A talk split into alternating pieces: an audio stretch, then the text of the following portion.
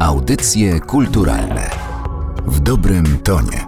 Czym jest sztuka awangardowa? Czy dzisiaj szokuje nas to samo co kilkadziesiąt lat temu? Dokąd zmierzają nowocześni artyści i co chcą osiągnąć? I czy zawsze awangarda musi iść w parze z prowokacją? Dzisiaj 15 lutego 2021 roku Muzeum Sztuki w Łodzi obchodzi 90. rocznicę otwarcia. Chodzi o otwarcie stałej wystawy międzynarodowej kolekcji sztuki nowoczesnej grupy AR. Z tej okazji ukazała się również książka, książka pod tytułem Awangardowe Muzeum, która zawiera 12 esejów o początkach instytucji i o czterech projektach muzealnych, które miały wpływ na to, jak dzisiaj muzea wyglądają i czym są dla odbiorców.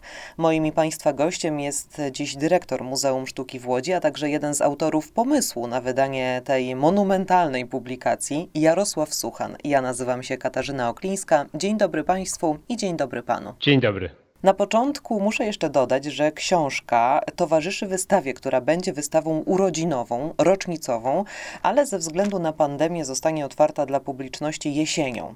Powiedzmy więc o tym, dlaczego ten czas, lata 20 i 30 minionego wieku, były tak ważne dla rozwoju muzealnictwa i sztuki w ogóle, bo gdyby nie awangarda, nasze pojęcie i rozumienie sztuki mogłoby być zupełnie inne. Rzeczywiście lata 20 i 30 w zasadzie należałoby powiedzieć jeszcze lata 10, bo awangarda zaczyna się powiedzmy w okolicach 1910 roku. Więc te lata są niezwykle istotne dla historii światowej kultury. Można powiedzieć, że rzeczywistość, w jakiej teraz się znajdujemy, wygląda tak, a nie inaczej, właśnie dlatego, że Wówczas grupa radykalnych artystów postanowiła w zupełnie inny sposób pomyśleć o tym, jak ma wyglądać świat, bo to nie chodziło tylko o rewolucję w sztuce. Artyści awangardowi, radykalni artyści awangardowi za pomocą swojej sztuki chcieli zmienić rzeczywistość, rzeczywistość społeczną, chcieli zmienić nasze otoczenie. Mieli olbrzymią wiarę w taką sprawczą moc sztuki, której pewnie teraz już nie mamy. I ta zmiana, jaką chcieli przeprowadzić za pomocą swojej sztuki, zmiana, która miała doprowadzić do tego, że powstanie świat lepszy, bardziej sprawiedliwy, ta zmiana się nie dokonała. Niemniej jednak te ich plany nie pozostały bez konsekwencji. Jeżeli chodzi o ich pomysł na zmienianie otoczenia za pomocą sztuki, za pomocą pewnych rozwiązań, które źródłowo zostały wymyślone w polu sztuki, dokonała się rewolucja. Tak naprawdę wygląd naszych miast, wygląd naszych mieszkań, architektura, wygląd mebli, którymi się otaczamy, przedmiotów, którymi się otaczamy, jest taki, a nie inny właśnie dlatego, że wówczas pojawili się artyści, którzy w sztuce zaproponowali zupełnie nowy model myślenia estetycznego, nowy język wizualny. Tak więc, gdyby nie te ich idee i te ich projekty, żylibyśmy w zupełnie innym otoczeniu. Jest ciekawe oglądać, w jaki sposób nowoczesność cywilizacyjna w XIX wieku, taka rewolucja, która wówczas się dokonywała, przemysłowa, technologiczna, przyjmowała kostium historyczny. Tak? Fabryki wyglądały jak zamki, nowoczesne w sensie funkcjonalności urządzenia przybierały charakter antyków, więc można sobie wyobrazić, chociaż jest to mało prawdopodobne, aż trudne do wyobrażenia, że te wszystkie nasze cywilizacyjne osiągnięcia, gdyby nie ta rewolucja awangardowa, jawiłyby nam się zupełnie w inny sposób. Więc tutaj ta rewolucja, która się dokonała w owym czasie, już ponad 100 lat temu, miała bardzo duże konsekwencje dla, nie tylko dla kultury, tak jak powiedziałem, ale dla, dla całej naszej rzeczywistości życiowej. Ona też miała istotne znaczenie dla świata muzeów, chociaż muszę powiedzieć tutaj, że te najbardziej radykalne pomysły, jakie były proponowane przez awangardę, do tej pory nie do końca zostały zrealizowane. One były tak bardzo rewolucyjne, że nawet gdyby dzisiaj je implementować, budziłyby może nie tyle szok, ale zaskoczenie. Na przykład? Na przykład myślenie o muzeum nie tylko jako miejscu, w którym się pokazuje sztukę, ale w którym się tworzy swego rodzaju laboratoryjne przestrzenie, w których artyści eksperymentują i produkują nową sztukę. Tego rodzaju przestrzenie, tego rodzaju udogodnienia pojawiają się w muzeach współczesnych, ale w bardzo nielicznych, takich najbardziej radykalnych. Ciągle jednak muzeum jest myślane nie tyle jako miejsce produkcji nowego, ale jako miejsce konserwacji starego. Tak? Także pod tym względem nic się nie zmieniło, mimo tego, że awangardowi artyści z lat 20. i 30. już wówczas zaproponowali zupełnie inne podejście do sztuki i do funkcji muzeów. Tak samo inny aspekt, który możemy odnaleźć w tym awangardowym muzealnictwie sprzed 100 lat, nie został do końca wdrożony, nie wyciągnięto z tych idei ówczesnych ostatecznych konsekwencji. Mam tu na myśli takie wyobrażenie sobie przestrzeni muzealnej nie tylko jako przestrzeni, w której opowiada się o historii sztuki, czyli przekazuje pewną dyskursywną wiedzę na temat tego, jak sztuka się przekształcała, ale stwarza się pewną przestrzeń szczególnego rodzaju doświadczenia. To doświadczenie ma pewien wymiar poznawczy, ale nie jest czymś w rodzaju takiej pigułki wiedzy, którą ex cathedra wykształcony, wiedzący więcej i lepiej muzealnik przekazuje nic niewiedzącemu widzowi, tylko jest to raczej przestrzeń, w której ten proces poznawczy polega na tym, że poprzez różnego rodzaju bodźce intelektualne, ale i sensualne, pobudza się widza do samodzielnego myślenia i samodzielnego widzenia. Więc to są takie aspekty, które moim zdaniem ciągle są ciekawym i aktualnym punktem odniesienia również dla współczesnej praktyki muzealniczej. A awangarda w Polsce bo powiedzieliśmy o tej perspektywie międzynarodowej, wiąże się nierozerwalnie z twórczością Władysława Strzemińskiego czy Katarzyny Kobro. I to właśnie między innymi oni stworzyli grupę, wspomnianą już e, przez nas grupę AR, czyli artystów rewolucyjnych, którzy to postanowili, tak jak pan powiedział, odrzucić utarte i dotychczasowe schematy i zapoczątkować nowy nurt w kulturze, sztuce, nie tylko w malarstwie, ale również w literaturze czy architekturze. I to właśnie ta grupa, grupa AR, zapoczątkowała zbiory Muzeum Sztuki w Łodzi, którego to muzeum jubileusz obchodzimy. Tak, to prawda. Początki naszego muzeum łączą się ściśle z historią awangardy i z postaciami Władysława Strzemińskiego oraz Katarzyny Kobro jednych z najważniejszych postaci nie tylko polskiej, ale i światowej awangardy owego czasu. Warto wspomnieć, że Władysław Strzemiński i Katarzyna Kobro swoją karierę artystyczną rozpoczynali w Rosji tuż po rewolucji październikowej i obydwoje stanowili część takiego najbardziej progresywnego kręgu awangardy ówczesnej, konstruktywizmu, wraz z takimi artystami jak Malewicz, Kandyński, Tatlin czy Rodczenko. Kręgu, w którym po raz pierwszy pojawiła się właśnie idea takiego nowoczesnego muzeum sztuki. Obydwoje po przyjeździe do Polski na przełomie lat 20. i 30. nosili się z myślą, żeby tutaj tę ideę Muzeum Sztuki Nowoczesnej przenieść. Od samego początku pragnęli takie muzeum stworzyć. Najpierw w Warszawie. Na szczęście dla Łodzi tam ta idea nie trafiła na dobry grunt. Trafiła na dobry grunt w naszym mieście, dzięki otwartości ówczesnych władz tego miasta, zdominowanych przez przedstawicieli Polskiej Partii Socjalistycznej. To nie tylko Władysław Szymiński i Katarzyna Kobro. Tutaj należy wspomnieć jeszcze o kolejnym artyście bardzo ważnym, mianowicie Henryku Starzewskim oraz dwóch poetach, Julianie Przybosiu i Janie Brzękowskim. Ta piątka stworzyła grupę AR, czyli grupę ten skrót się rozszerza na dwa sposoby: albo artyści rewolucyjni, albo awangarda rzeczywista. To drugie rozszerzenie myślę, że jest istotne w kontekście muzeum. Ono pokazuje, że mimo iż awangardę kojarzymy z myśleniem utopijnym, to jednak to myślenie utopijne przekładało się w praktyce wielu artystów na działania podejmowane w jak najbardziej realnej rzeczywistości. Takim realnym działaniem było właśnie stworzenie kolekcji, która stała się kamieniem węgielnym naszego muzeum. Kolekcji absolutnie wyjątkowej, ponieważ ta kolekcja została stworzona z darów najważniejszych w owym czasie artystów awangardy europejskiej. Co jest ciekawe, ta kolekcja nie powstała w żadnym ówczesnym centrum sztuki awangardowej. To nie Paryż ją stworzył, nie Nowy Jork, powstała w Łodzi, mieście o dosyć skromnych tradycjach kulturalnych, mieście kojarzonym przede wszystkim jako silny ośrodek przemysłowy, w dużej mierze mieście zamieszkałym przez robotników. Więc można powiedzieć, że grunt mało sprzyjający dla tego rodzaju inicjatywy, a jednak to właśnie tutaj ta inicjatywa doszła do skutku i to właśnie tutaj powstała jedna z najstarszych na świecie stałych kolekcji sztuki awangardowej. Więc gest wyjątkowy. I co należy podkreślić, od samego początku przez inicjatorów tej kolekcji była ona myślana jako narzędzie do takiej, nazwijmy to, społecznej pedagogiki. Tu nie chodziło o to tylko, żeby zaspokoić, w ogóle nie chodziło o to, żeby zaspokoić egoistyczne pragnienie bycia w muzeum.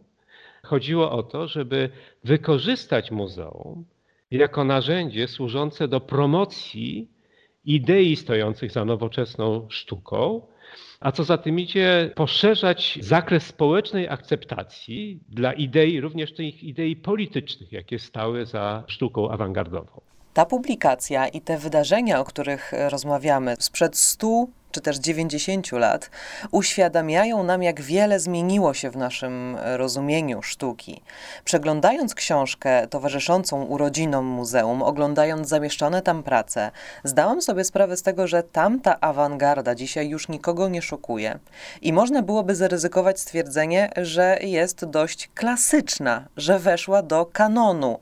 Słowem rewolucja zakładana między innymi przez Władysława Strzemińskiego dokonała się. Grupa AR osiągnęła swój cel, więc moje pytanie jest następujące: w jakim miejscu jesteśmy teraz? Ja sądzę, że to jest optymistyczne stwierdzenie, że sztuka awangardowa została powszechnie zaakceptowana i stała się już jakimś klasycznym kanonem. Gdyby pani zadała to pytanie, przeprowadziła taką ankietę w polskim społeczeństwie, okazałoby się, że dla ponad 90% naszej społeczności sztuka awangardowa to jest ciągle coś nie do końca poważnego i nie do końca znaczącego.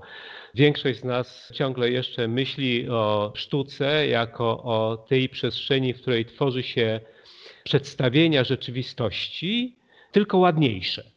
To jest takie, myślę, najpowszechniejsze wyobrażenie o tym, czym jest dzieło sztuki. Więc ciągle jeszcze przed nami dużo do zrobienia, żeby sztuka awangardowa zyskała powszechną akceptację, mimo tego, że faktycznie od już dziesiątków lat jest prezentowana w muzeach, co jest z jednej strony dobre, ale z drugiej strony złe. Dobre w tym sensie, że no, muzeum jest taką instytucją, która poprzez swoje wybory wskazuje na to, co jest istotne w kulturze. No więc wybierając i prezentując sztukę awangardową, muzeum niejako nadaje taką legitymację historyczną tej sztuce. Ale zarazem bardzo wiele muzeów w tym samym momencie tę sztukę odsyła do przeszłości. Poprzez sposób, w jaki ją pokazuje, poprzez sposób, w jaki o niej mówi, sugeruje, że awangarda jest kolejną epoką czy kolejnym nurtem, momentem w historii sztuki. Co jest moim zdaniem działaniem błędnym, dlatego że jak gdyby nie jest w stanie wydobyć z tej twórczości tego, co jest w niej ciągle żywe, tego, co może być ciągle dla nas istotne. A w moim przekonaniu awangarda jest takim zjawiskiem, które ciągle jeszcze nam jest w stanie powiedzieć coś istotnego o rzeczywistości aktualnej. Ciągle posiada pewien zasób pytań, idei, kwestii, które mogą być istotne dla współczesnego odbiorcy. Rzecz tylko w tym, żeby poprzez działania odpowiednie tę aktualność z owej sztuki wydobyć. I to jest to, co my staramy się robić na różne sposoby. Nawet ten moment obecny, 90-lecia, nie traktujemy jako czas celebrowania wspaniałej przeszłości, ale raczej jako punkt wyjścia do tego, żeby zastanawiać się, na ile to, co zdarzyło się 90 lat temu, może mieć dla nas znaczenie dzisiaj, na ile ten etos awangardowy rozwijany w owym czasie przez artystów może być istotnym punktem odniesienia dla współczesnej praktyki artystycznej, ale także dla współczesnej praktyki muzealniczej. No dobrze, w takim razie ja zadam to pytanie, które już Pan na pewno gdzieś słyszał. Nawet jeżeli nie zadane wprost, to, to na pewno już Pan się spotkał z takim pytaniem. Po co mamy oglądać sztukę nowoczesną, sztukę awangardową, skoro sami możemy ją sobie narysować w domu na kartce papieru? Ma Pan niebywałą okazję, żeby przekonać nieprzekonanych. Oczywiście. No więc tego rodzaju pytanie wychodzi z błędnego założenia, że to, co jest najistotniejsze w sztuce, to jest manualny talent. Gdyby tak było, to arcydziełami, rzeczami najważniejszymi w sztuce były prace wystawiane pod Barbakanem, czy to w Warszawie, czy w Krakowie. Mamy tam prace, które są wyrazem biegłości technicznej, natomiast czy one coś istotnego z nami robią? Czy one coś istotnego wnoszą do naszego myślenia do świecie? Moim zdaniem nie. Więc to pokazuje, że ta biegłość techniczna to nie jest wszystko i nie jest czymś, co niezbędnie jest potrzebne po to, by stworzyć istotne dzieło sztuki. Dla mnie dzieło sztuki to jest pewien gest, pewne działanie, które pozwala nam otworzyć pewne klapki w naszej wyobraźni, które nas pobudza do myślenia, wytrąca naszą wyobraźnię z utartych kolei. I czy to działanie zostało wykonane poprzez kogoś obdarzonego niezwykłym talentem ręki i wymagało benedyktyńskiej pracy, czy jest efektem prostego gestu, nie ma większego znaczenia. Nie ma dla mnie większego znaczenia. Ważne jest to, co dzieło z nami robi. Tak? I to jest najistotniejszy element w sztuce. W związku z czym powtórzyć biały kwadrat na białym tle Kazimierza Malewicza może każdy z nas. Tak? I teraz oczywiście taki gest nie miałby większego znaczenia, tak? powtórzony. Natomiast wówczas w 1915 roku należy sobie też wyobrazić, wobec czego ten gest został wykonany. On został wykonany wobec kilkutysięcznej tradycji sztuki polegającej na przedstawianiu rzeczywistości. I w relacji do tego widziany ten gest poszerza nam wyobraźnię, tak? pokazuje jego znaczenie dla, dla myśli ludzkiej.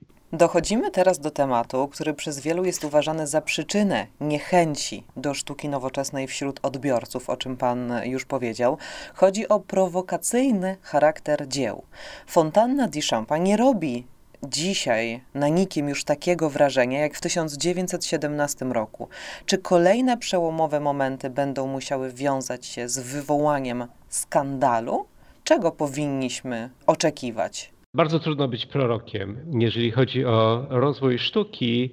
Awangarda pokazała, że sztuka przekształca się w sposób absolutnie nieprzewidywalny. Można powiedzieć, że to jest cechą też tego przełomu, jaki dokonał się za zasługą awangardy. Że o ile wcześniej można powiedzieć, że przekształcenia w sztuce miały charakter ewolucyjny, o tyle od Picassa, a tym bardziej od Duchampa, te przekształcenia nie dość, że są dużo szybsze, ale też dużo gwałtowniejsze. I one nie podążają jakąś linią, którą z góry da się wytyczyć. A nawet z dołu. Z dzisiejszej perspektywy patrząc na to też nie ma sensu doszukiwać się w tym jakiejś wewnętrznej logiki rozwoju. Próbowała to robić wcześniejsza historia sztuki, narzucając na chaos czy pewną taką swobodę rozwoju sztuki, pewną taką sztywną ramę, by wskazać na celowość tego rozwoju, ale to nie ma sensu, oczywiście to jest nieuzasadnione.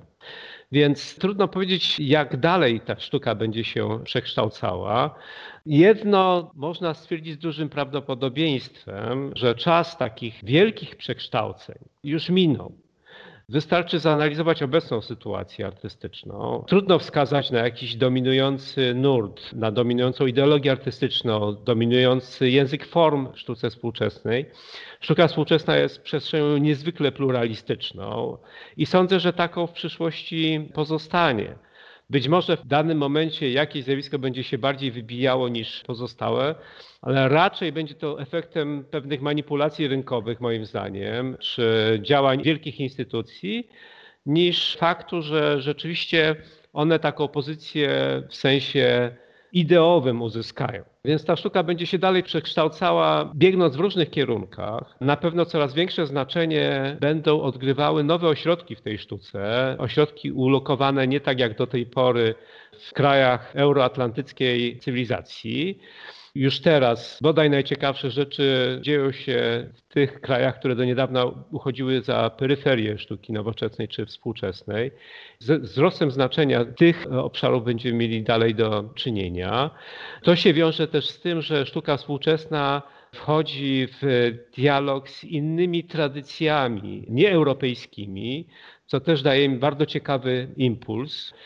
I można podejrzewać, że będą się pojawiały dzieła, które wykorzystują jako pewną strategię artystyczną. Szok. Sztuka współczesna bardzo często mierzy się z pewnymi utrwalonymi tradycjami, z kulturowymi czy społecznymi tabu, no i ciągle uderzanie w tego rodzaju stabilizowane obszary budzi opór, budzi kontrowersje jak najbardziej zrozumiałe. No tylko wtedy ma sens mierzenie się z tabu, kiedy rzeczywiście to jakoś oddziaływuje emocjonalnie, tak? Więc zapewne tego rodzaju gesty będą miały znaczenie, chociaż z drugiej strony my jesteśmy coraz bardziej odporni na mechanizm szoku, tym bardziej, że on nie jest wykorzystywany tylko przez sztuki wizualne, stał się elementem popularnej kultury. Więc tutaj sztuka przestała zachowywać ekskluzywność w tym obszarze. I dla mnie kwestia taka, czy ta sztuka w przyszłości będzie bardziej szokująca, będzie bardziej eksploatowała ten szok, czy mniej, jest mniej istotne od pytania, na ile wartościowe będą to gesty. Tak? Bo w historii sztuki można wskazać przykłady działań, które były niezwykle transgresywne i bardzo kontrowersyjne, ale gesty te miały jak najbardziej uzasadnienie artystyczne i ideowe a też e, można wskazać szerzej w kulturze przykłady szoku, które jest traktowane jako chociażby rodzaj strategii marketingowej. Tak?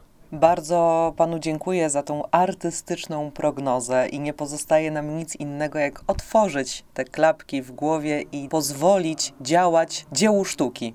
Bardzo dziękuję za to spotkanie. Naszym gościem był dyrektor Muzeum Sztuki w Łodzi, które obchodzi dzisiaj 90. rocznicę otwarcia stałej ekspozycji pan Jarosław Suchan. Dziękuję bardzo.